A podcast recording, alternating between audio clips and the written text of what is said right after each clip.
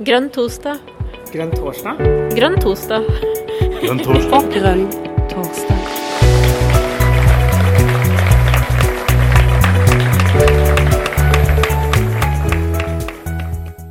Hei og velkommen til eh, Grønn torsdag. Eh, Jon, min kollega, sliter litt med forbindelsen, så vi får bare prøve å gjøre det beste ut av det. Klokken er i hvert fall åtte, så vi starter opp.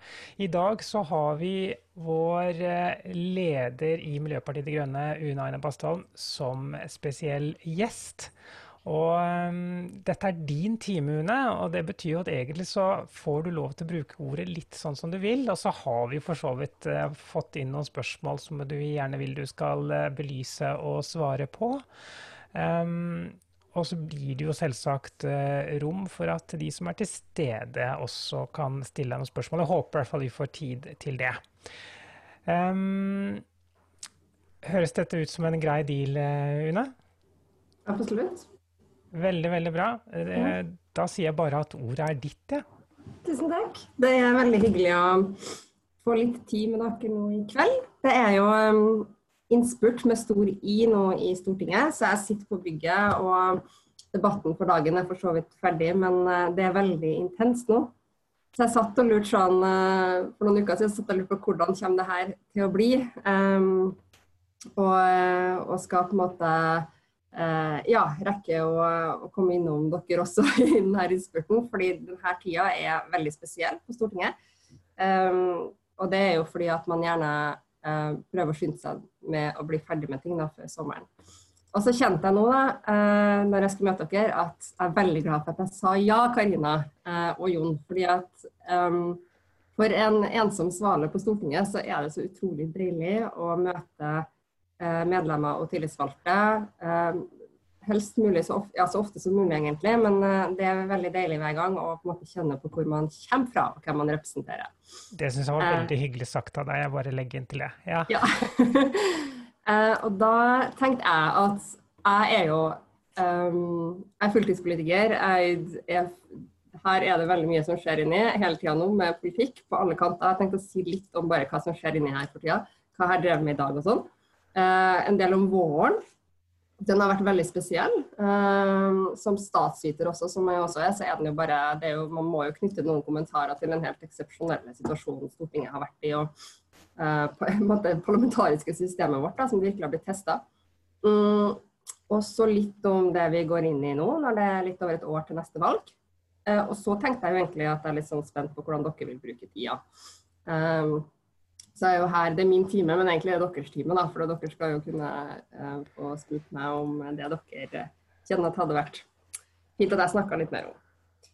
Um, så i dag er en sånn typisk dag for, um, for uh, en, en, enslig representant fra et grønt parti, egentlig. Jeg starta jo dagen med aksjon.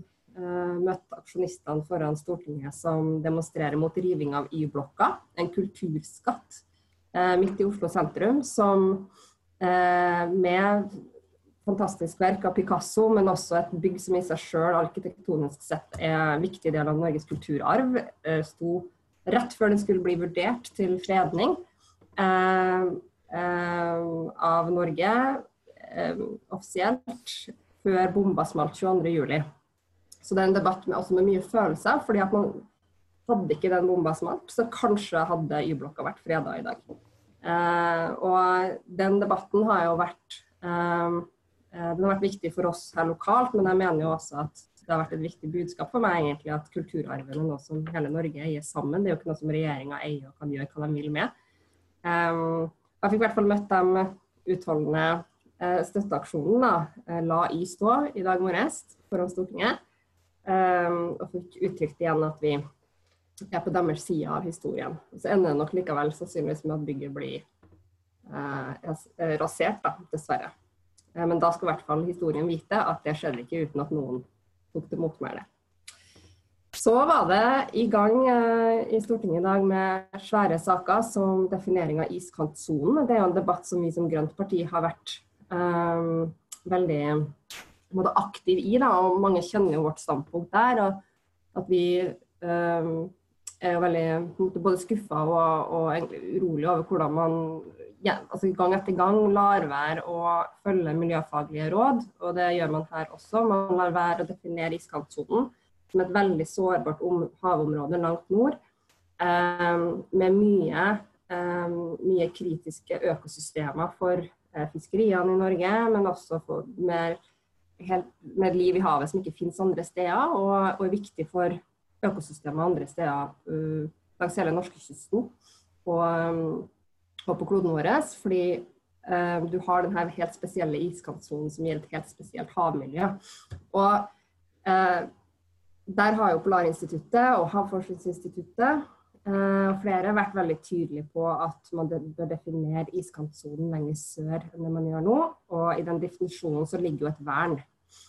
Um, og for meg så har på en måte, Den saken har jo havna midt i en vår da, med eh, også enorme skatteletter nye subsidier til oljenæringa.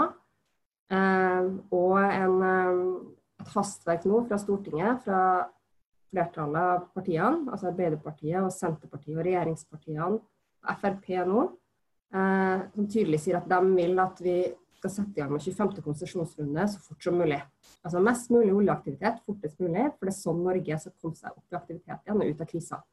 Norges svar denne våren på hvordan vi skal få opp og i gang igjen økonomien, er hovedsakelig eh, mer aktivitet innenfor oljevirksomheten.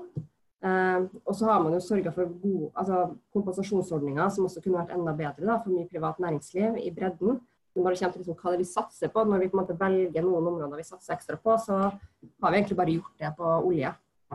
Uh, og Det er jo uh, nokså avslørende, vil jeg si. Og de ryster jo, Vi har jo litt kontakt med andre partier, eller grønne partier da, i Europa òg. Og de, de, sitter og ryster med hodene. Det er ganske oppsiktsvekkende. I Europa så bruker de nå hver fjerde euro på klimatiltak i krisepakkene sine.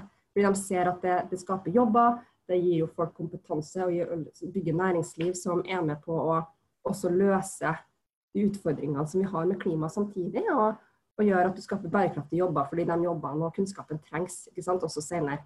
Mens vi ser mer sånn tilbake til forrige århundre og prøver å klamre oss til eventyret vi hadde eh, med olja. Og eh, det eh, sa jeg jo i salen nå, at det tror jeg at eh, de unge i dag kommer til å dømme norske politikere hardt for måten vi håndterte denne krisa på. Eh, ikke smitteverntiltakene og de umiddelbare tiltakene, de tenkte jeg å si litt om også. Men, men, de tiltakene når vi har sett på hvordan vi skal få i gang økonomien igjen, få, til mer jobber igjen og hindre at flere blir arbeidsledige, eh, der har vi vært eh, nokså oljeblind. Og, og det, den politikken, sammen med iskantsonedefinisjonen nå, gjør jo oss som parti veldig urolig for at du får en økt aktivitet nord. Um, i Barentshavet og, og, i nordlige sårbare områder som, eh, som, kan få ganske stor betydning for livet i havet der. Eh, Une, eh, for, ja. bare for å bryte opp litt. Grann, uh, du skal få lov til å komme videre etter hvert. Men, men, du kan jo på en måte si da, at det har vært litt, litt motvind i forhold, til, i, forhold til, gode grønne tiltak i den situasjonen vi har vært i. Eh, men vi har jo motvind på en annen eh, sak også, og, og eh, de, heter seg, de, heter jo motvind. Kan du si noe om vindkraftproblematikken? Ja, Der skjer det jo veldig mye nå. Jeg tenkte jeg skal legge ut en liksom lengre tekst om det i morgen, egentlig. For det er liksom behov for å oppsummere. Og akkurat i dag så har jo SV kommet med et forslag um, som kan få kan få konsekvenser for Haramsøya, som jo er eh, et, et område da, hvor man ønsker eh, vindkraftprosjekter nå på Sunnmøre. Med veldig verdifull natur og stor lokal motstand. Ordentlig miljø, egentlig natur, naturversjonen av en klimastreik av barn. Sånn, det på en måte har vært veldig rørende å se sånn, uansett om det er for klima eller natur, da, unger som, og barn og unge som går ut og kjemper for eh, retten til et levende miljø, en levende klode og, en, eh, og, og naturverdier som, som, gir dem kjærlighet og trygghet og et, et område å bruke uten prestasjonsjag, ja, som egentlig naturen er da, for mange rundt omkring i Norge. Eh, det har vært veldig rørende og sterkt å se. Og det er jo et prosjekt som vi er veldig imot. Miljøpartiet De Grønne sin, eh, sin, politikk på vindkraft er jo, mener jeg, veldig tydelig på at der hvor det er viktige naturverdier, skal det ikke være Der ønsker ikke vi installasjoner overhodet, og heller ikke av vindkraft. Fordi vi allerede bygger ned veldig mye natur. og Det, jo et, det har vært et systematisk problem det egentlig helt siden industrialderen. og at, vi, at mennesker har verdsatt natur eh, lite. Først og fremst sett det som eh, ressurser du skal høste, og det kan være veldig bra, det. Men man må jo høste det på en måte som er bærekraftig. Og Ved industrialiseringa så fikk du inn en, en, veldig effektiv måte å kunne produsere på med lav kostnad, så du kan ta ut mye naturressurser med lite arbeidskraft. Eh, det var veldig mye bra som skjedde med det. Du fikk høyere velstand. og og flere kunne kjøpe støvsugere, og du har kvinnefrigjøring og veldig mye bra som har kommet med industrialderen, eller industrialiseringa. Men det som industrialderen aldri lært oss, var hvordan vi tar vare på naturen samtidig som vi får til utvikling. Um, og uh, det er jo det som jeg mener er store prosjektet i dette århundret. Uh, og vindkraft sånn sett er på en måte bare det enkelteksempelet, men som har alt det her i seg for meg. Da. Uh, og det er jo fordi at vi ikke har satt høye nok krav i utgangspunktet til naturkartlegging og til de konsesjonssystemene at du får alle de kontroversielle vindkraftsakene nå. Vindkraft i seg selv, produksjon av fornybar energi, er noe som verden helt åpenbart trenger mer av. Og vi mener jo at potensialet på land er jo ganske begrensa i Norge, og at vi heller bør ha mye mer fokus på, på det man får få til til havs, fordi du ikke vil ha like inngripende uh, infrastruktur ved, ehm, ved havvindproduksjon som i vindkraft på land. selv om også der så må du ha god kartlegging, og, og vi har jo nettopp og du må, må, ta vare på natur både i havet og sjøfuglbestandene, trekkfuglruta og sånn. Og det opplever jeg at vi har en veldig bra politikk på nå, som er godt balansert etter landsstyret vedtok en ganske grundig resolusjon, får vi si. Det er flere landsstyremedlemmer som sitter her også, ser jeg. Og, eh, på akkurat det med våre ambisjoner for havvind, og hvordan vi får til eh, å hjelpe Europa med en omstilling fra fossilt til fornybart. Eh, uten at, vi, eh, uten at det går utover eh, både viktige naturverdier og, ja, og sårbare naturverdier. En, det var min kraft, Karina. ja, ja, men jeg, jeg, jeg, vil ikke slippe den helt, skjønner du, fordi, fordi mm. at vi møter jo ganske krasse kommentarer på Facebook og andre sosiale medier rundt dette med vindkraft. Det er noen som har låst seg på at MDG vi er veldig for vindkraft av en eller annen grunn. Um, uh, så, så, en kommentar kan typisk begynne å interessere dere for å verne norsk natur mot vindkraftutbygging. Det sprer mikroplast og forurenser drikkevann og dreper dyreliv. Altså, det, det er på det, det nivået der. Eh, hva tenker du er et godt motsvar på en sånn påstand? Nei, motsvaret er jo at altså, er, jo, um, er det noe parti som i all vår politikk har utgangspunkt i hvordan vi tar vare, hvordan vi sikrer at politikken er innenfor rammene av naturen, så er det oss. Det er det jeg er valgt inn for. Eh, og klima- og naturkrisa for oss er samme krisa.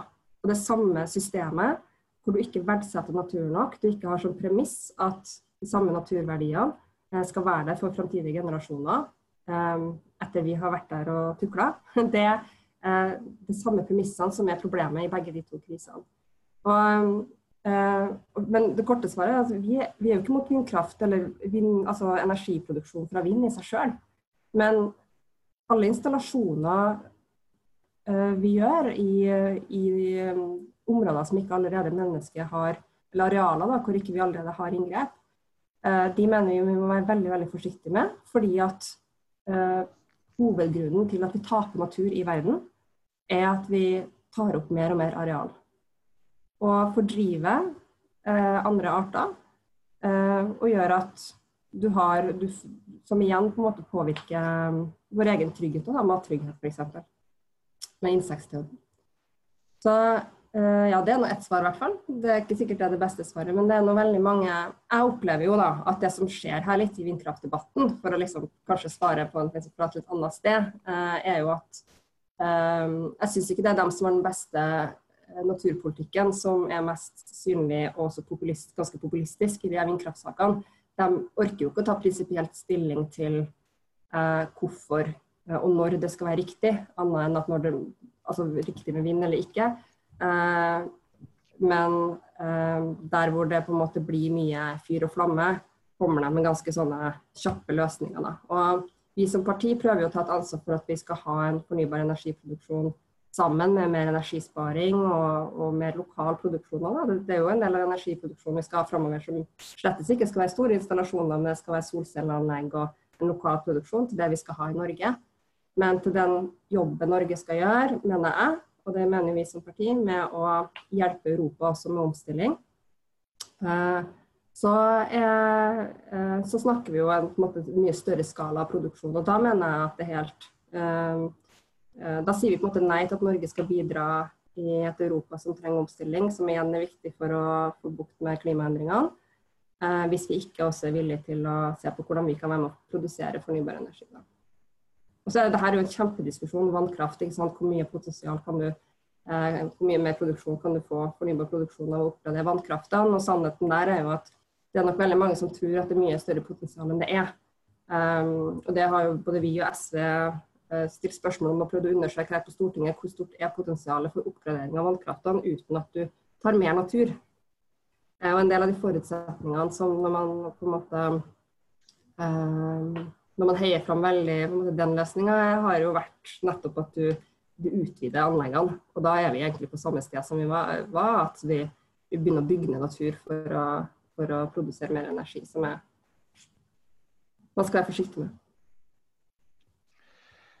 Så det energiforbruket, reduksjon av det, det er jo også en del eh, hva skal vi si, noen krefter som virkelig menes veldig sterkt at nei, nå må vi redusere alt av mm. energiforbruk. Og, og nå vi skal ikke bygge ut noe som helst videre. For det har jo vært en, ingen tvil om at det har vært en lang vekst. Så ja. Jeg hadde på en måte uh, Altså, jeg har ikke sett jeg har ikke sett noen på, uh, analyser eller vurderinger som skulle tilsi at verden ikke kommer til å trenge økt energiproduksjon framover. Det handler om at det er ganske mange vi skal løfte opp i en høyere velstandsnivå også. Jeg er helt sikker på at veldig mange vestlige land, og særlig Norge, hvor strømmen er billig og vi har vært veldig vant til mye tilgjengelig eh, energi fra vannkraft, da, um, at her kunne vi hatt mye potensial fra Eller um, spart mye energi gjennom energisparetiltak. Uh, og der har vi en del annen um, politikk. og Eh, forslag når jeg legger fram alternative statsbudsjetter, både om styrking av Enova og en som vi kaller en folkemilliard for klima. altså Vi setter av en milliard alle sånne typer tiltak, støttetiltak til innbyggerne for å kunne gjøre energieffektivisering eller installere solcelletiltak og eh, solcelleanlegg eh, på takene. Med videre. Uh, og, uh, så det er masse man kan gjøre der, men det er nok, et, det er nok fortsatt For meg da, så er det sånn jeg tror Um, når det kommer til den strømmen vi bruker i Norge, så har vi uh, stort potensial for å, for å, spare en del. Men debatten, hvor egentlig partiene også i dag mener ulikt, er jo hvor mye skal Norge bidra uh, til en omstilling i Europa. Og for meg som grønn, med det hastverket vi har nå uh, i, med å få kutta utslipp i verden, altså vi skal jo halvere utslippene de neste ti årene, så mener jeg at det er helt naturlig å ta et solidarisk medansvar da, for en fornybar energiproduksjon. Nå fikk jeg et artig spørsmål her. Tydelig nok. Ja. Det kan jeg si. Altså, det, det, ligger kanskje litt under her. at Jeg opplever det vanskelig å på en måte få vært um, uh, på en måte rett og slett får vært nok til stede i nok debatter. Vi er bare 1 av 169 på Stortinget. og Det tenkte jeg var en av de tingene jeg hadde lyst til å komme innom. da, fordi Diagnosen min på oss som parti nå er jo litt at vi vi er jo 3,2% parti på Stortinget. Uh, mm. Med en sperregrense i Norge, så dvs. Si jeg er 1 av 169 representanter. Mens der ute, i kommune- og fylkes-Norge, så er vi jo et mellomstort parti. Vi fikk 6,8% i kommunevalget og over 7% i fylkestingsvalget. Så musklene våre er jo der ute, og heldigvis er det jo eh, i fylkene og kommunene at veldig mye av areal, eh, eh areal eller beslutningene tas. da. Så Det er jo for så vidt bra. So far so good. Men, men, vi er nødt til å bli mye større her på Stortinget for å få fram bredden av politikken vår, så også kunne være med i veldig mange flere debatter og, og, og vært synlig. da. Ja, og Vi stilte jo da spørsmål da med er MDG tydelig nok i vindkraftpolitikken til de som er til stede her. Og av de som uh, har svart, så har da 56% svart nei, og 44% svart ja. Så det er jo ganske 50-50 egentlig. Så det er jo noe å ta med seg. Ja. Mulig jeg tippa flertallet der litt, da, for at jeg sa faktisk nei. ja, veldig bra. Uh, det, gjorde, det gjorde du faktisk da. Men det er fordi at jeg mener at vi kan være tydeligere, og det er jo veldig mange altså tydelige på den måten at jeg, jeg syns vi skal fortsette å være et parti som på en måte sier det er kunnskapsbasert og sier det som er, vi mener er riktig. Eh, og ikke kaste oss liksom rundt um, fordi noe får mye oppmerksomhet bare. Men det engasjementet som er der for naturen, det er noe vi skal eh, Hva heter det på norsk? På engelsk heter det 'nurture'. Altså vi skal gi det næring. Fordi det eh, er et engasjement som jeg tror um, handler veldig mye av det samme som er våre prosjekter. Um, og veldig mange tar jo utgangspunkt i sitt eget nærmiljø. Og det har jeg jo stor forståelse for. Jeg har jo sjøl opplevd natursorg når skogen ved hytta mi i Østfold eh, ble hogd ned plutselig langs løpeturen min. Det tok mange år før jeg vente meg til det. Um, og det var jo bare liksom den, Der hadde jeg sprunget i et par år. Så, folk, så for folk som er vokst opp og har bodd og har over flere generasjoner eh, bodd i et naturområde og brukt naturen på en måte og, som da blir um, ja, ødelagt av store nye installasjoner, det tror jeg eh, Jeg mener at vi som parti da også har et oppdrag i å, i å ta det um, på alvor, som politikere sier, men uh, ja, lytte til det. Eh, Une, du sa her vi og SV refererte et standpunkt her for noen minutter siden. Hvorfor skal klimaengasjerte velgere velge MDG foran SV, da? Ja, SV, fordi at SV har noen gode nå skal jeg bare si grunnen til at jeg sa det, var at uh, SV har jo et par gode miljøpolitikere nå. Lars Haltbrekken og Arne Nævra. Uh, og De har litt ulik miljøprofil også. Men, um, og Derfor har Lars Haltbrekken sendt et spørsmål om det med vannkrafta. da, Hva er potensialet her? Uh, nei, Forskjellen på oss og SV er jo Jeg vil begynne med å si at jeg har ikke noe behov for å på en måte um, kimse av andre partiers klimaengasjement. Og jeg tror det, det er veldig mange, um, veldig mange politikere i SV som du nok kan stemme på og få en tydelig klimaprofil. Uh, den store forskjellen er jo at hos oss så er det jo sånn at vi alle sammen uh, føler oss forpliktet til å sette klima og natur uh, først, i forhandlinger f.eks. For så når det gjelder hvem man skal stemme på i valg, så mener jeg at hvis man mener klima er den viktigste saken, så stem nå på det partiet som sier at det er det man kommer til å sette aller først i forhandlinger. For du mangler ikke partier som, som sier at klima er viktig. Du mangler partier som eh, også mener det viktigste når du skal forhandle og du har en liten liste da, med de tingene du skal ha igjennom, og man heller ikke har flertall alene. Så du skal bli enig med andre partier, og du skal forhandle, og da er det, da har du, da begrensa hvor mye du kan ta med inn i det rommet. Um, uh, det er jo det ene. Det uh, andre er jo at vi er jo ulike på Jeg var kanskje så vidt innom det i stad, men vi er ulike på uh, det med kraftoverføring og samarbeid med Europa. Vi er mer internasjonalistiske enn SV uh, i energipolitikken.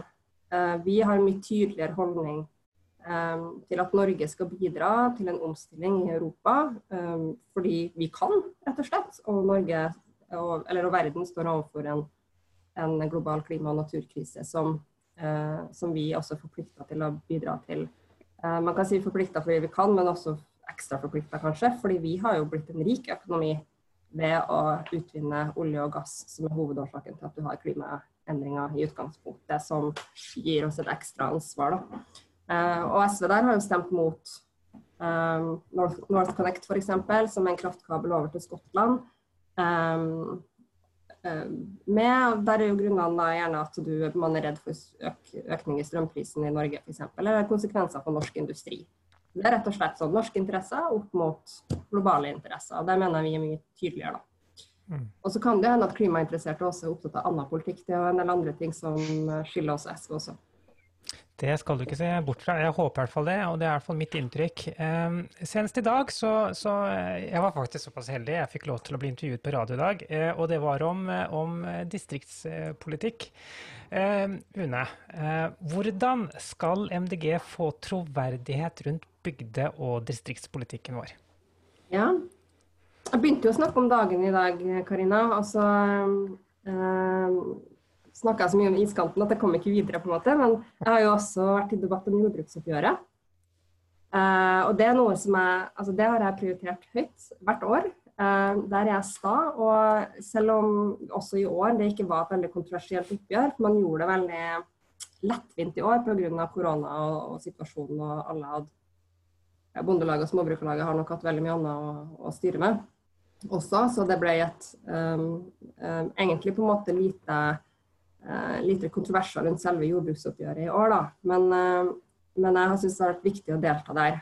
Og, og det er jo Jeg mener um, Jeg skal svare litt om det med distriktspolitikken også, men jeg skal bare si først at man, jordbrukspolitikk er jo noe som jeg har brukt ganske mye tid på for noen år siden med å sette meg inn i. Um, så nå slo det meg at jeg må også si hva jordbruksoppgjøret er, for at allerede der så har vi utfordringer i Norge, mener jeg, at dette er det aller viktigste området for matsikkerheten og mattryggheten til ungene våre. Men det er så lite tilgjengelig, i landbrukspolitikken, for folk flest. Eh, alle forbrukerne ikke sant, som, som eh, etter hvert kanskje har eh, som, som, har vokst opp i by og ikke har noe særlig forhold til landbruket heller. Eh, hvordan skal man på en måte i hele tatt vite hva, hva det er som står på spill? Fordi er, jeg mener det er et et sånt politikkområde som er altfor lite tilgjengelig i dag. Så Jeg lovte meg sjøl for noen år siden å være en politiker som bidrar til å liksom forene litt forbrukerne og forbrukerinteressene i byene med, eh, med på en måte landbruket og, og, og bøndenes språk. Da. Eh, fordi at der er det en sånn eh, eh Der er det en, en, en, i hvert fall en sånn veldig sånn eh, stor forskjell i, i kunnskap og og mulighet til å være med og delta i debatten. Og eh, Jordbruksoppgjøret er jo rett og slett eh, det er jo årlige, de årlige forhandlingene hvor Småbrukarlaget og Bondelaget og staten blir enige om hvordan man fordeler støtteordningene til jordbruket. Så utrolig viktig for hvordan måte, man, strukturen for subsidiene til jordbruket, eh, som igjen har kjempestor betydning for matsikkerheten vår, altså hvordan, egentlig hvordan vi har rigga landbruket. Skal vi fortsette å sentralisere og ha store, større og færre bruk? Eh, eller skal vi satse mer på distriktslandbruket, på beitebruk, eh, på bruk av norsk gras istedenfor kraftfôr? Eh, som til sammen, alt det her, nok koste litt, men det er jo noe som vi mener er riktig Det du betaler for matsikkerhet, og at Norge bidrar da, med å bruke våre norske ressurser istedenfor importert kraftfôr. Nå er det litt artig, nå får lyset her. Eh, når vi produserer mat. Og distriktspolitikken, Karina, skal eh, vi få synliggjort. Det er jo ved å snakke mer om den, få fram mer av den. Um, og da må vi bli flere på Stortinget. Så der trenger jeg hjelp, rett og slett. Um, og målet vårt er jo for 7% i stortingsvalget neste år. Uh, med 7% da snakker vi jo en gruppe på Um, på et sted mellom Det er litt avhengig av hvor de andre partiene om de kommer over sperregrensa eller ikke, da. men et sted mellom la oss si 7 og 13 stortingsrepresentanter.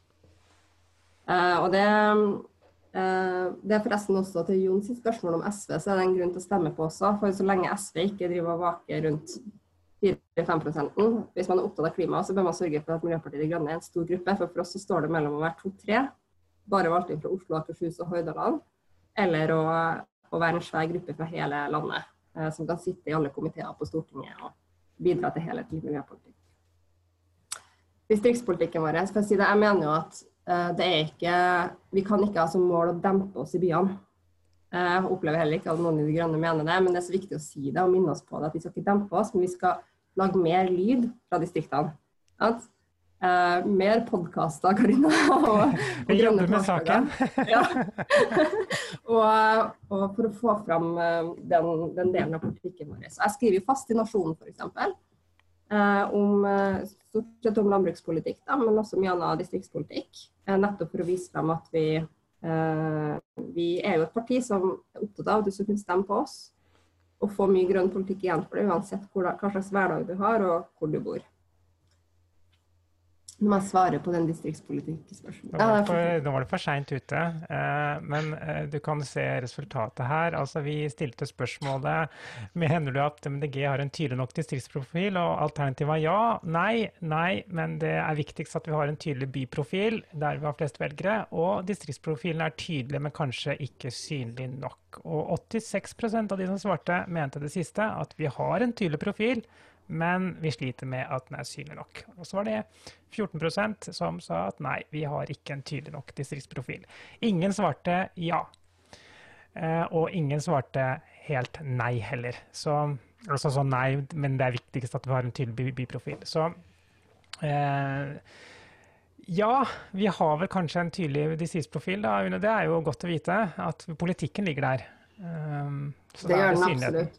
Mm. Og det er jo fordi vi har utrolig mange flinke politikere som har bidratt inn både i programarbeid og resolusjoner. Og jeg mener vi har veldig mye god vedtatt politikk. Mm. Um, vi, gjør jo også, vi må huske at vi hver dag i kommunestyrene og fylkestingene rundt omkring i Norge jobber med distriktspolitikk også. Og jeg gjør det jo her også på Stortinget, så vi som folkevalgte gjør vi det. Men det handler nok litt om også at der, vi har en hard konkurranse der med å få markert oss, og det tar litt tid å og på en måte etablert seg som parti på nye politikkområder på en måte som gjør at journalistene ringer deg, da, og ikke Senterpartiet eller sånn, Hvis de vil ha en konflikt på distriktspolitikk, så ringer de kanskje Senterpartiet og Høyre, og da har de fått en for og en mot et eller annet. Mm. Og Det er det som eh, er tilfellet for klima og miljø og, og, natur for oss i dag. At nå får, på de områdene så får vi henvendelsene. Eh, og når vi blir flere på Stortinget, så skal vi også klare å etablere oss som et viktig parti og høre stemmen til um, i de sakene som, um, ja, som ikke angår storbyene, men uh, bygdene og Du rakk jo ikke å svare på den, Pålen. Hva ville du svart? Jeg kan, nå husker jeg ikke alternativene engang. Jeg tror, jo, jeg ville nok svart at, var, at, vi er tydelige, men ikke synlige nok. Ja. ja. ja. Altså, jeg mener jo aldri vi er synlige nok.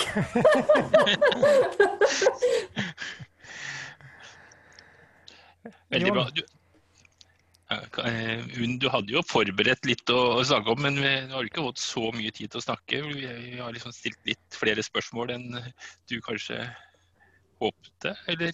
Ja. Nei. Nei, men, det har du ikke, men uh, ja, ja. Jeg tenkte tenkt å oppsummere våren. Jo, jeg tenkte å si litt om, uh, om våren, ja, og korona.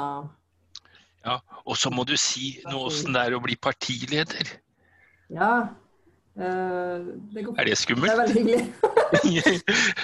Det er ikke noe mer jobb enn det var. Fordi uh, jeg var jo nasjonal talsperson og, og stortingsrepresentant og, uh, fra før. Så, men jeg opplever jo Jeg kan jo si at det å bli partileder Jeg har nok tenkt i etterkant at det var veldig klargjørende for meg. Og jeg tror at um, den modellen vi hadde, som jeg også trivdes veldig godt å jobbe med Jeg har jobba med både Arild Heimstad som en medtalsperson og Rasmus Hansson. og har trivdes veldig godt i begge de samarbeidene, men det gjør litt at man for resten av verden blir to nestledere. Fordi ingen helt tror på at det går an å være to ledere. Du blir på en måte to, to nestledere i veldig mange andre i media, og når du sitter i debatter, så sier de talsperson, de sier jo ikke partileder. Og da tenker alle litt sånn Du blir på en måte Du får litt tydeligere fram da, hvem som, har, um, hvem som er valgt til å representere partiet uh, på toppen. Og det tror jeg jo har jeg vel endt med at det har vært bra for meg, i hvert fall. Litt skjerpende. ja. Ja men jeg avbrøt deg. Fortsett med den våren. Våren syns jeg jo uh, Det har vært Når vi liksom går inn mot sommer, så det har vært å liksom uh, oppsummere litt rundt den. Da. Og jeg tenker for meg så eh, starta det jo 12.3 så stengte Norge ned. Uh, samme altså dagen etter, da, den fredagen, så ble første proposisjon lagt fram fra, fra regjeringa med noen krisetiltak. Og allerede den første helga så var vi i gang i Stortinget med å forhandle på det. Uh, og det var jo helt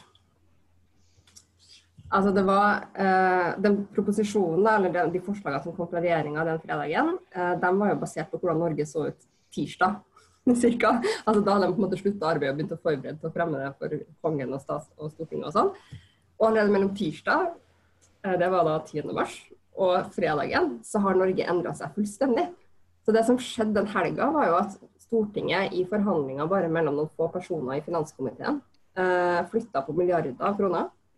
Endra permitteringsregler, endra liksom eh, ja, permitteringsreglene. Både hvor mye du får utbetalt hvis du blir permittert eh, og arbeidsledig etter hvert, noen, og, og, også hvor mye arbeidsgiver skal ha ansvar av utgifter i forhold til staten og sånn. Og til sammen mange milliarder kroner som ble egentlig eh, delt ut i løpet av en helg.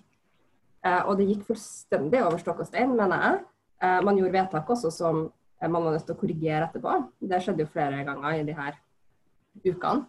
Og jeg har jo tenkt i etterkant at i de første ukene der så mye som Stortinget, også fordi vi har en mindretallsregjering nå. De har jo ikke flertall ikke sant, alene hvis de legger fram ting. Og fordi at ting skjedde så fort. Så regjeringa med liksom deres krav til hvordan sånne dokumenter skal være når de kommer til Stortinget, de hadde ikke tid til at det skulle være oppdatert engang. Så, så mye kontroll som Stortinget tok i den, i den der prosessen, eh, hadde jo vært abdiseringsgrunnlag eller altså, hadde, I vanlig situasjon så hadde jo statsministeren stilt kabinettspørsmål i sånne situasjoner, fordi hun åpenbart ikke har um, på en måte, ikke har tillit. da, Ville det vært i en vanlig situasjon i Stortinget når man endrer så mye på det hun gjør, og uh, hun ikke klarer å få igjennom på en måte, sine forslag. Men heldigvis var jo ikke det som skjedde. og det, det, Alle skjønte på en måte at sånn må det bli. Vi jobber i et tempo hvor Uh, hvor det da foregikk, også foregikk veldig mye dialog mellom regjeringsmedlemmene og oss på Stortinget. For hele tida prøve å finne, finne, ut av beste løsning og få mest mulig kunnskap for å kunne gjøre gode vedtak for å, um, for å gi folk mest mulig økonomisk trygghet og hindre at bedrifter må legge ned. Og, um, men det var og, og det var typisk sånne heat da, hver helg. fordi um, regjeringa kommer med en proposisjon som det heter, med forslag da, til nye lover f.eks. Eller ofte var det jo vedtak om eh, ja, endringer i lover, ofte da, men også kunne det være vedtak om økonomiske bevilgninger. Og så, De kommer på fredager, og så må vi jobbe da over helga, sånn at du får vedtak mandag, tirsdag, onsdag. Det var eh, veldig mye eh, jobb på få mennesker, så finanskomiteen har jo vært, hatt veldig mye makt i år.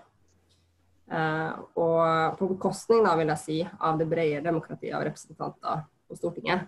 Fordi du uh, Mange andre var jo også pga. smitteverntiltakene, så holdt jo folk seg hjem etter hvert.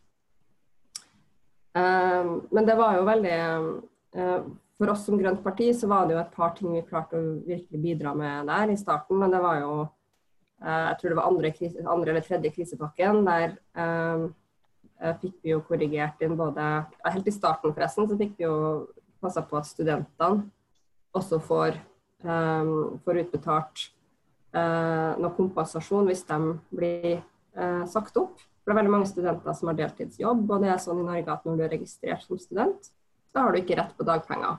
Fordi du kan ikke anses som arbeidsledig hvis du er student. Da kan du heller ikke få dagpenger. Så det er et litt, sånn, litt rigid system som nok er et problem i utgangspunktet òg, har jeg tenkt. da. Så det er et håp kanskje vi skal foreslå å endre på. Uh, men i denne situasjonen så ble det veldig tydelig. Og det er nesten sånn at jo mer avhengig, altså, jo mer avhengig du er av en jobb, desto mer sårbar er du hvis du mister den jobben. Uh, og desto større sjanse er det for at du er litt oppi årene og også har barn som student, hvis du jobber såpass mye. Når jeg begynte å se på tallene, så ser jeg at her er jo masse folk som har unger. Og flere unger også. Så det er familier som mister inntekt og ikke har noen eh, kompensasjoner de får. Det fikk vi på en måte i hvert fall eh, Mener fortsatt ikke at det ble helt bra, men de, eh, vi fikk jo eh, delvis seier der. Og så en annen ting som hvor helt åpenbart uh, Miljøpartiet De Grønne var veldig avgjørende, mener jeg, var uh, kompensasjon til kollektivtransporten, alle kollektivselskapene i Norge og fergene. Fordi vi jobba der mellom Altså i Oslo så sitter vi jo med et veldig stort kollektivselskap og, og har ansvar for kollektivtransporten. Så både våre folk i Oslo og jeg jobber sammen med NHO Transport og, og eh, yrkestransportforeningene og sånn med å påvirke de forhandlingene. Og da satt vi ganske mye utafor, faktisk. For jeg var ikke i forhandlingsrommet. Men jobba med å eh, sikre det. Og det fikk vi til, og det er jeg veldig stolt av. For jeg tror faktisk ellers at det hadde blitt, om ikke glemt, så blitt veldig marginalisert. Um, så vi fikk det faktisk noen seire i vår, og det skal vi jo huske, selv om det har vært veldig annerledes, um, annerledes vår. Så har vi klart å på en måte være synlige som grønt parti da, med våre sosiale verdier og grønne verdier. Mm. Og så synes jeg jo vi må si, Det jeg å si om våren nå, som nesten faktisk overraska meg mest når det kommer til oss av alt, er jo at på, altså, eh, ikke på noe tidspunkt i hele vår, mens alles måte, fokus har vært på smittevern og helt andre ting, ikke på noe tidspunkt har vi vært under 4,5% i snittet på målingene. 4,5% altså Det er det laveste vi var. og det, var, det var når det var sånn Erna Solberg-peak. Alle sammen bare, alle vil bare ha eh, som rådgiveren min sa, alle vil ha Erna Solberg eller aller helst Gro Harlem Brundtland. Hvis hun hadde vært der. Man vil bare ha en trygg styring. Trygg styring, trygg styring. Og, så, eh, og til og med da har vi 4,5 um, på målingene i snitt. da. Eh, det kom noen enkeltmålinger der som var lavere, så det er så lett å tenke at vi, vi havna litt under sperregrensa. Sånn, vi gjorde aldri det. Det var enkeltmålinger. Og, de, um, og allerede nå så er vi over, uh, over 5% igjen på målingene. Um, og da har vi liksom i en vår med korona og alt ligget høyere enn vi vanligvis eller noen gang har gjort før i mellomvalgsår. Og mellomvalgsårene er ofte der vi på en måte dupper litt. da. Vi blir mindre interessante. og ikke så mange tenker på politikk, Har så mye aktiv stilling, så de bare at de stemmer Arbeiderpartiet eller Høyre hvis de får en telefon. Dette med, dette med, oppslutning er jo ganske spennende. fordi, fordi vi, vi, jobber jo for å få en høy nok oppslutning til at vi kan få påvirkning i norsk politikk. Det er jo det det faktisk handler om eh, for å redde verden, eh, for å legge til det, da. Eh, eh og, det er ikke for vår egen del. Nei. Så eh, men, men vi, har, vi, har, fått en del spørsmål som går litt rundt uh, dette her. Uh, og, og eh, en problemstilling som, som uh, har dukket opp, er hvordan skal Miljøpartiet håndtere at en del urbane utspill i valgkampen fort kan bli svært tøffe å være enig i og forsvare i distriktene? Ja. Jeg tenker jo sånn um, internt um, så føler jeg jo et ansvar for at vi har um, en god informasjonsflyt og gode måte, snakkepunkter, rett og slett. Altså for at, uh, det er jo litt ekkelt når noen kommer og på en måte har som utgangspunkt at det uh, vi sier i en storby, da, uh, f.eks. bilfritt sentrum, at det skal gjelde liksom overalt. Um, og det, det, jo, Vi blir jo veldig mye stigmatisert å være mot bilen. Jeg møter jo det hele tida sjøl. hvis jeg nevner bil, så er det jo på en måte det folk antar, at jeg er mot bil. Selv om jeg, elsker, jeg for så vidt elsker bil, jeg er mye bilkollektiv. Og jeg trenger jo bil til å komme meg på hytta, jeg òg. Uh, men vi må prøve å få fram at storbyene har sine særegne utfordringer. Så når vi er opptatt av miljø, så er det uunngåelig å være opptatt av hvordan kan du hindre at trafikkveksten som kommer med befolkningsvekst rundt storbyene våre, eh, fører til mer biltrafikk, som igjen skaper trengsel, utrygge situasjoner for ungene som skal til skolen, for syklister som skal på jobb. Eh, og skaper også støy og dårlig byluft, som lager en mindre inkluderende by. At mange eldre og mange barn og astmatikere eh, ikke kan bruke byen på de, de, verste dagene. Så ille er det jo, og Norge har jo fått pepper for det eh, som stat, at vi ikke har vært flinke til å passe på bylufta vår. Um, og, uh, så det, jeg det er jo på en måte det, det første svaret det, det, tror jeg dere, er mange som har mye erfaring med det her nå. på eh, bilspørsmålene, i hvert fall. Eh, i, i, fanget i distriktene hvor folk er avhengig av bil. Eh, men jeg vil jo tro at det er utrolig viktig å få fram det. At det er en, det er en helt annen den, Bilproblemet er et urbant problem. Eh, så hvis man ikke er i, er i, en storby eller er i byen, da, så er det jo ikke eh, Da har jo Miljøpartiet De Grønne andre løsninger. Det er som du, er som du var innom, at eh, vi må være flinkere til å fronte politikken på bygda, kanskje. For eh, her, her i Løten så jeg, jeg har jo stått på standen en del ganger og fått møtt folk som sier ja, dere er mot bil. og blir Hoveddebatten blir rundt og Prøve å forklare det at det å bo på, eh, i Løten er noe helt annet enn å bo midt i Oslo. Mm. Men det er, det er eh, en del eh, deltakere her. Dere får sjansen hvis dere raise hand, så kan dere få stille spørsmål, dere også. De, vi har jo stilt en del spørsmål som vi har fått på mail her, men det er jo noen her som kanskje har lyst til å si noe også. De, de får lov til race hand, gjør de ikke det, Karina? Jo, definitivt. Jeg tror ikke det er lagt inn en sperre på det. Eh, I hvert fall så er det ukjent for meg. Eh, men jeg, jeg kan jo bare legge til noe at nå var det helt sikkert eh, noen som, som skriver i kommentarfelt som la merke til at UNE både kjører bil og liker å bruke bil til hytta. Så det er jo, blir fort en forsidesak, tenker jeg. ja. hva, hva, gjorde du i, etter 12. mars? Var du på hytta? Nei, ikke, jeg, det var en lang periode der jeg ikke kunne dra på hytta som alle andre. Ikke hadde tid heller, for der har jeg ikke dekning og jeg måtte jobbe. det var riktig svar. ja, men Veldig bra. Jeg, jeg, er også litt sånn nysgjerrig på hvor mange er det som egentlig kjører bil MDG. Har vi noe tall på det? Vet du noe om det, Une? Jeg mener jeg har sett det en gang, men jeg har ikke jeg har, ikke, jeg, så, jo, jeg har sett et tall på det, men det er ikke vi som har henta det inn. Uh, jeg har, diesel, har dieselbil, jeg. Ja.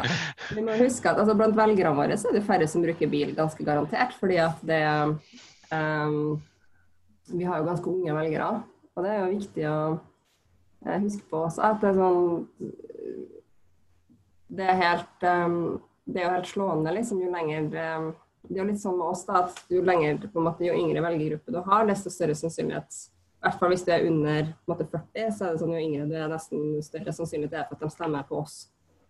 Men så er det noen år der i 40-50-årene hvor, hvor, færre stemmer på oss. Men når de blir pensjonister og blir besteforeldre, da begynner de å vurdere oss igjen. Så da øker vi litt i oppslutning hos de velgergruppene over 60. da. Uh, og det tror jeg jeg har, jeg har gjerne lyst til å lese den boka skrevet av noen sosiolog eller noe sånt som har sett på det. Men liksom, perspektivet ditt på livet uh, i de ulike liksom, fasene. For jeg merker jo sjøl at som småbarnsmor du blir jo mer og mer sånn, du blir ganske, er ganske tett på i bekymringene dine. Mens jeg tror veldig mange unge som fortsatt liksom, går på skole og studerer og sånn, har ganske sånn vidvinkel og blikket langt fram. Og også at du kanskje får det tilbake mer. da. Når du får tilbake roa og du får litt mer tid igjen. Forresten så bruker Miljøpartiet De Grønne fun fact å gå litt opp på målingene på sommeren. Og det kan være samme effekten. At, for, at man rett og slett liksom, Da flytter man blikket litt uh, og tenker liksom ja, hva er det egentlig som er viktigst? Det er kanskje ikke liksom uh, det her har jeg jo tenkt litt på. og Jeg tror nok at vi, vi er nok også, jeg opplever oss litt som pionerer på det området. fordi at du har altså Egentlig så er jo Stortinget, altså vedtatt politikk i Norge er jo at veksten inn til byene skal tas med kollektiv og sykkel, og mange skal ikke tas med biler. Eh, men når vi da på en måte jobber for det i byene, eh, så er vi slemme. For, vi, for da er vi mot bilen. Og altså, Egentlig er det et politisk flertall der for det, men eh, vi er jo dem som tør å si høyt hva det da det krever. Vel, det krever jo at du på en måte prioriterer mer plass til kollektiv framfor bil, f.eks. Eller plass til sykkel framfor bil. Og det, Uh, og der tror jeg at vi bare er i en sånn, vi er nå i en fase i uh, norgeshistorien hvor det der er veldig kontroversielt. Om få år Jon, så kommer du til, ikke til å ha de spørsmålene på sted, men helt andre, fordi alle sammen har akseptert det som en selvfølge. Det tror jeg. Uh, og også at du på en måte får bypolitikk som i nasjonal debatt er ganske ferskt.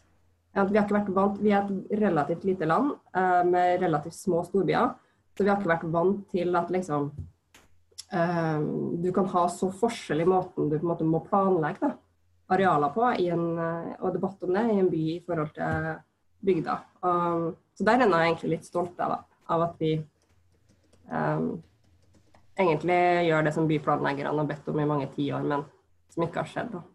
Mm. da får vi slippe til Birgitte, som er der, vet du. Vær så god, Birgitte. Tusen takk. Hei, Une. Jeg hørte fra min kjære at han hadde snakka med deg i dag tidlig, og det var et veldig hyggelig møte, sånn, så det var, veldig, det var fint å høre.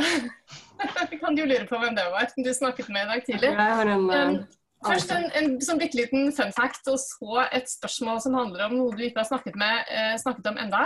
Um, i, ettersom stortingsgruppa di har stukket av med vår fantastiske organisasjonsrådgiver som eh, gruppesekretær, så har vi måttet finne en ny.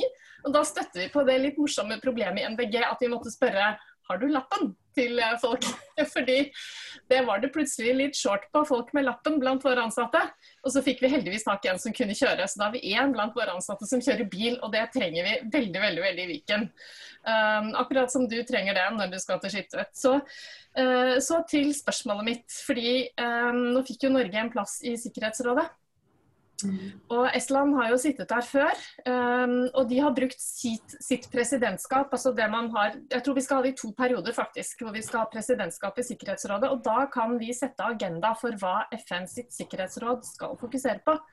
Og Det synes jeg hadde vært litt kult om MDG kunne være pådriver for at FNs sikkerhetsråd bør jobbe for at vi skal slutte med oljeleting at vi skal slutte med naturødeleggelser eh, og bygge ned matjord og alle disse tingene her, som er vår politikk. Fordi nå, Det er regjeringens folk som sitter der, men vi må jo si tydelig fra hva vi syns at de skal jobbe for i Sikkerhetsrådet, og de må egentlig jobbe mot seg selv. Um, hvordan tror du våre sjanser er til å få til noe av disse tingene her? F.eks. Uh, eh, at vi eh, ja vel, vi, skal, vi, kan ha vindkraft, men ikke dersom ødelegger natur. Og ikke plassere de i gytefeltene til Silla. Eh, og alle disse tingene som både går utover naturmangfold, men også matsikkerhet i veldig stor grad. Vi kan ikke fortsette med å dumpe gift i fjorder f.eks. Så giftdumping i fjorder burde jo virkelig FN ta tak i, for det truer jo matsikkerheten rundt i verden. Kan ikke du si litt om det hvis du har rukket å tenke på det, eller så kan du jo bare respondere på det jeg foreslår. Ja. Um, Norge fikk plass i Sikkerhetsrådet, ble det kjent i går kveld. Um, så jeg har ikke tenkt veldig mye på det, men jeg har, uh, jeg har klart å prestere på det feltet en, en tweet om at um, jeg mener Norge må jobbe for at Der har jeg jo sagt klimakrisa, da, som er den aller største trusselen mot velferd og frihet og utvikling i verden i dag. Både indirekte og direkte. Og jeg, direkte er jo mange som husker på, liksom, med tørke og ekstremvær og sånn. Men jeg er ganske opptatt av de ganske bekymra, egentlig. Jeg er veldig bekymra for de indirekte følgene av, av klimaendringer med en mer ustabil verden og eh, ganske mange eh, store migrasjonsbølger pga. Eh, tørke og plutselige problemer med å kunne skaffe mat på bordet da, der man har bodd. Så man forventer jo ganske store eh, flyktningstrømmer fra sør for ekvator og, og nordover. Og jeg er jo redd for eh, høyrepopulister sine, sine vilkår i, i, i, en verden med mer migrasjon, f.eks. Jeg er bekymra for et mer splitta eh, Europa og mer splitta ustabile demokratier. Så eh, Jeg har jo sagt at jeg mener det må være noe som Norge løfter som den viktigste saken eh, i FNs sikkerhetsråd eh, hittil. Og det henger jo sammen med naturkrisa, Birgitte, og også med mattryggheten og matsikkerheten. altså for meg så er jo eh, det at vi bygger ned matjord i Norge, så mye som vi gjør samtidig med at vi har en klimakrise og vet at klimaendringene kommer til å true matforsyninga. Og så også bare i vår, da, hvor utrolig sårbart matmarkedet er internasjonalt. Fordi alle, selvfølgelig, alle land prioriterer egne innbyggere hvis de er usikre på om de har eh, nok mat. Så, eh, eh så for meg så er det uforståelig og det er utrolig korttenkt de var byggende matjorda. Så det her henger jo sammen. Men det er jo sånn uh, Jeg tror jo det er Jeg mener klimaet og det jeg måtte spilt inn, uh, eller det hva som man først har tenkt da, er utrolig viktig for Norge å jobbe for. Og så er det jo en del ting som det er også ganske stor konsensus rundt, som jeg også syns er viktig. ikke sant? Altså med å få Alle bærekraftsmålene er jo viktig og lett å være enig i, da. Uh, som er mer direkte sosiale mål å få barn ut av fattigdom og sikre skolegang for kvinner, for unge jenter og sånn. Det er jo veldig mye som jeg mener rådet må, må uh, ta ansvar for uh, og ha fokus på. Um, men det jeg har tenkt mest på egentlig, er jo um, Jeg er veldig spent på hva som blir Norges, som blir Norges rolle der, og hva som er vår agenda.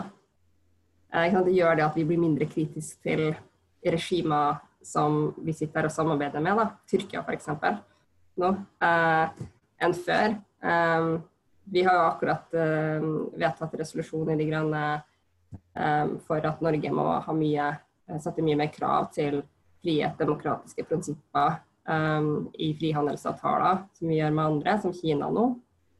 og, og hva, skjer sånt, altså, hva skjer med Norges utenrikspolitikk i det når vi sitter i Sikkerhetsrådet, også gjennom det at vi har jobba så hardt da, eh, for å komme i den posisjonen. Snakka med masse land uh, for å få til det. og det, jeg, jeg, tror på en måte en verden hvor vi Det er ikke sikkert at en verden hvor vi ikke hadde gjort det, hadde, er bedre, men det påligger et ekstremt høyt stort ansvar, i hvert fall, mener jeg. Men vi har fått en posisjon. Tusen, tusen takk, Une. Så var det et kort, kort oppfølgingsspørsmål her før, før, vi slipper til Jakob. Um, tror du at det at vi har fått denne plassen i Sikkerhetsrådet, gjør at vi får mer søkelys og press mot Norge i forhold til vår oljepolitikk? Og, og altså, er det noen indikasjoner på det? Det er et veldig godt spørsmål. Jeg har ikke tenkt på det, kanskje.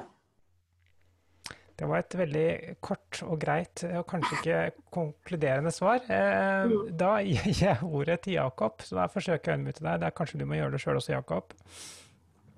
Sånn. Ja. ja, da Jeg setter veldig pris på MDG sin eh, miljøpolitikk og klimapolitikk, selvfølgelig. Det er noe her eh, jeg lurer på, jeg skal få forklare litt kort først. Eh, vi lever i en verden hvor vi, eh, når vi maler hus og sånt, og når, den, og når maling tørker seg, så sprer det mikroplast ut i naturen. Når vi eh, dusjer med sjampo, så sprer den sjampoen mikroplast. Altså, når vi, løper, når vi tar løpetur i skauen og, og tar på oss sko, så skjer det mikroplast. Og, vi, og vi har sikkert på oss klær som også sprer mikroplast når vi vasker det i vaskemaskin. Jeg synes at sånne ting burde vært forbudt. Og Da er et spørsmål til deg, uh, Une. Er du enig i det? Eller hva kan MDG gjøre for at naturen blir utsatt for mikroplast? Jeg er helt enig i at det burde vært forbudt. Uh, og så blir det en del menn her, men jeg bare si det først at plast er jo uh, Plast er et, på en måte et materiale som på ene sida er genialt når det brukes riktig, fordi det er så holdbart osv. osv. Uh, Problemet er at vi har begynt å bruke det til masse greier som vi ikke trenger å bruke det til. Eh, som gjør at vi har de store mikroplastproblemene og, og, masse plast rundt omkring i havene nå som ikke brytes ned. Både mikroplast og mye større plast som sjøpattedyr og sjøfugler og alt spiser, og, og kveles og dør av. Så, um, så jeg synes, det er et interessant sted å begynne. Liksom, at det er jo ikke, Materialet brukes feil. Uh, og det burde vært forbudt å bruke plast fordi det ikke brytes ned. Det burde vært forbudt å bruke det i ting som du ikke trenger at skal være så holdbart. Problemet er jo eh, Miljøpartiet Grønne sin politikk er jo at du skal, du skal slutte å bruke det. Eh, for, vi vil jo forby engangsplast, f.eks. Altså der hvor Norge på en måte har mulighet til å gjøre forbud eh, på engangsbruk av plast, så, eh, så, er vår politikk at det, det, vil vi ha forbud på. Jeg tror nok det går den veien. Og problemet blir med en gang ting går over landegrensa, fordi vi pga. samarbeid med EØS og sånn ikke har lov til å forby varer som inneholder visse ting eh, som er importert. Altså Vi kan sette krav til hvordan ting produseres i Norge, men vi kan ikke forby produktene som importeres. Og, eh, eh, men der sier vi at vi vil ha merking, så forbrukerne vet at eh, at produktet har mikroplast i seg. Og så må vi jo bare jobbe på spreng uh, i Europa og, og globalt med, med, mye strengere krav til bruk av plast. Um, jeg er helt enig med deg at det ja. Jeg ser jo også forresten at det skjer en del liksom, i, litt sånn i markedet òg. Altså det er noen, noen sånn treningsklærprodusenter f.eks. som har blitt flinkere til å eh, til både å ha liksom, reparasjon og innsamlingsordninger eh, som merker klærne. Jeg tror det har blitt mer bevissthet i bransjen. på en måte. Eh, for det er jo veldig mye treningsklær, uh, altså sportsklær, som har polyester og mye mikroplast. Noen tekniske klær. Um, så litt mer, litt mer bevissthet tror jeg det har begynt å bli, men politikerne henger etter. Tror du Una, at det er håp for LO og Arbeiderpartiet i forhold til den splittelsen de har med klima og olje? Uh, og eh, her er det en som da spør for en venn i miljøbevegelsen, står det her på chatten. Om det er håp, skal vi se Ap er jo splittet mellom klima og olje, som er blitt satt på spissen. Er det noe håp for LO og Ap, og hvor er presspunktene hos dem? Spør for en venn i miljøbevegelsen. Hvordan skal vi presse de? Dette var et dypt spørsmål, jeg kjenner etter. ja, altså Ap er dypt splitta når det kommer til klima. Det er, ja, det er LO også. Uh, LO er jo litt sånn at de, noen forbund har veldig mye, makt, mye, mer makt enn andre. Og um, de som har mest makt av forbundene i LO, um, er jo ganske interessert i mer satsing på olje, for å si det sånn. Så jeg tror ikke det skjer med det første. Jeg tror det skjer i Ap før det skjer med LO. Um, LO har en del annet, de har ganske mye, Det har skjedd mye på klima, har jeg inntrykk av. Men man holder litt unna oljepolitikken, da. Um, Arbeiderpartiet er vel så spent på som alle andre. Og jeg mener jo ikke at den våren her har vært veldig lovende, for å si det sånn. Vi må, vi, må, vi må, avrunde nå, Jon men, eh, og Une. Eh, men, men, men, et sånn kort spørsmål før eh, Jon skal få lov til å avrunde det hele. Og, og, det, og det, er hva mener du, Une, er det viktigste vi gjør for å synliggjøre politikken vår i, frem til neste valg? Det kommer an på hvilken rolle man har, men det alle kan gjøre, er å snakke med flest mulig. Um, og det var en av tingene jeg hadde lyst til å si, ja, og at vi vet um, av undersøkelser vi har gjort, at folk som har blitt snakka med av noen de vet er MDG-er, altså folk som sier ja til at jeg har hatt en samtale med en MDG-er uh, i valgkampen, de er det tre ganger større sannsynlighet for at stemmer på oss enn de som aldri har snakka med en MDG-er i valgkampen. Og Det betyr at det å eh, gjøre husbesøk og banke på døra, men også snakke med flest mulig der man møter folk, da. Eh, det, det, er noe av det viktigste vi gjør. Og jeg tror det er ekstra viktig for oss. Fordi at folk trenger flere ansikter og mer variasjon på en måte i hva en MDG-er er, eh, enn en del andre partier trenger å tenke på. For de har eksistert lenger, og de har på en måte hatt masse arverekker med politikere bakover som de på en måte de har sett liksom galleriet av hvordan du kan være og se ut og vise fram mangfoldet sitt. Vi må jobbe veldig aktivt med å vise fram mangfoldet vårt. Um, fordi vi har færre offentlige kjente fjes. da. Vi er ganske få, rett og slett. Og, det at, uh, og de som er lokalpolitikere, uh, der handler det om å være synlig og vise hva folk får når de gir oss tillit. Um, det er kjempeviktig. og vi må huske at vi gjorde et veldig veldig godt valg i høst. Så jobben er jo å få folk til å føle at de stemmer på ganske mye det samme. Eh, at de slapp å tenke så veldig grundig om igjen. Fordi de fikk det de skulle ha sist gang de stemte på oss. Og de vil ha mer av det, bare på Stortinget. Og det, Der er jo egentlig de viktigste kildene liksom, til den tilliten, er jo alle de lokalpolitikerne vi har. Rundt 370 stykker. Halleluja for dem! ja. ja.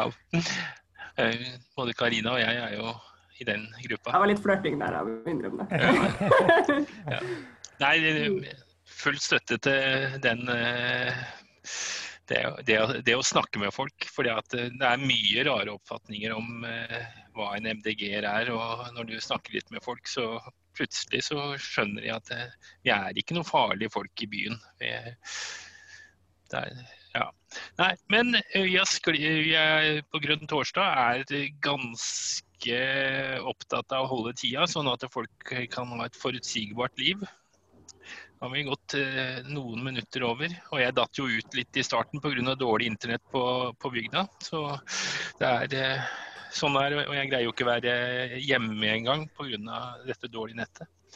Men Karina, ja går det mot slutten, og vi skal vel kanskje ha sommerferie også. Det kan hende at vi får en ekstrasending om en uke, men det blir bare et opptak i så fall. Det får vi se om, om vi har energi. Hvis ikke så kommer det etter sommeren. Ja, og så, og så, må vi jo si det, Jon, det går jo ikke mot slutten. Det er å dra det litt langt. Det er nå det starter. Eh, det er nå det starter, ja. um, så, så, men det er klart, vi skal ha sommerferie, så, så, det blir jo ikke noe ordinært grønn torsdag nå før til høsten eh, med, med, med at folk kan eh, logge seg på og være med på møtet. Eh, men jeg håper jo at eh, dere som eh, har vært med og som er med, setter pris på det. Vi syns det er veldig gøy å lage dette. Og, og det er jo Vi har fått mye god feedback på folk som ser frem til torsdagen. Spesielt i den perioden nå som har gjort det hver uke. Men jeg må også innrømme at det har vært litt tøft da, å organisere. Vi er to stykker som har fulltidsjobb og er kommunepolitikere på toppen. Karina har vært i kommunestyret i dag, og jeg har vært i representantskapet i Hias og Sirkula, så det, er, det, er, det, er, korrekt. Eh, eh, men dette er også en invitasjon. Eh, hvis det er noen som ønsker å hjelpe oss med å lage Grønn torsdag, så send oss et lite ord. Fordi vi vil veldig gjerne da komme i kontakt med deg. Og vi kan love deg mange gode samtaler eh, og litt eh, hjelp med det tekniske hvis du har utfordringer med det. Eller kanskje du kan hjelpe oss hvis du er dritgod. Det er selvsagt også mulig. Um, så, så har du lyst, så eh, meld deg, så kan vi i hvert fall snakke sammen og finne ut av det. Uh, og så må jeg si tusen, tusen, tusen takk til Une som har stilt opp i dag. Det har vært utrolig fint å ha deg her som uh, gjest. Eh, og, og jeg håper du også får en for god sommer. Det er vel sånn at det er lang sommerferie i Stortinget, er det ikke det? Ja, det er jo ikke ferie alt sammen, dessverre. Men eh, Stortinget åpner igjen i starten av oktober, da, etter vi lukker i morgen. Så jeg har jo Hvis jeg ikke hadde gjort, vært så opptatt av å gjøre jobben min godt, så kunne jeg tatt ferie helt til 1. oktober. ja. Vi ser deg nok på noen eh, settinger i løpet av de eh, tre månedene. Det, det gjør vi nok. Det gjør vi nok. Det håper jeg i hvert fall. Nei, men Veldig veldig bra, folkens. Da gjenstår det å ønske alle en skikkelig god og deilig norsk sommer. Eh, de fleste vil vel antagelig ha det i Norge denne gangen. Eh, kos dere, gjør noe med folk dere er glad i, eller gjør noe med den du også bør være glad i, nemlig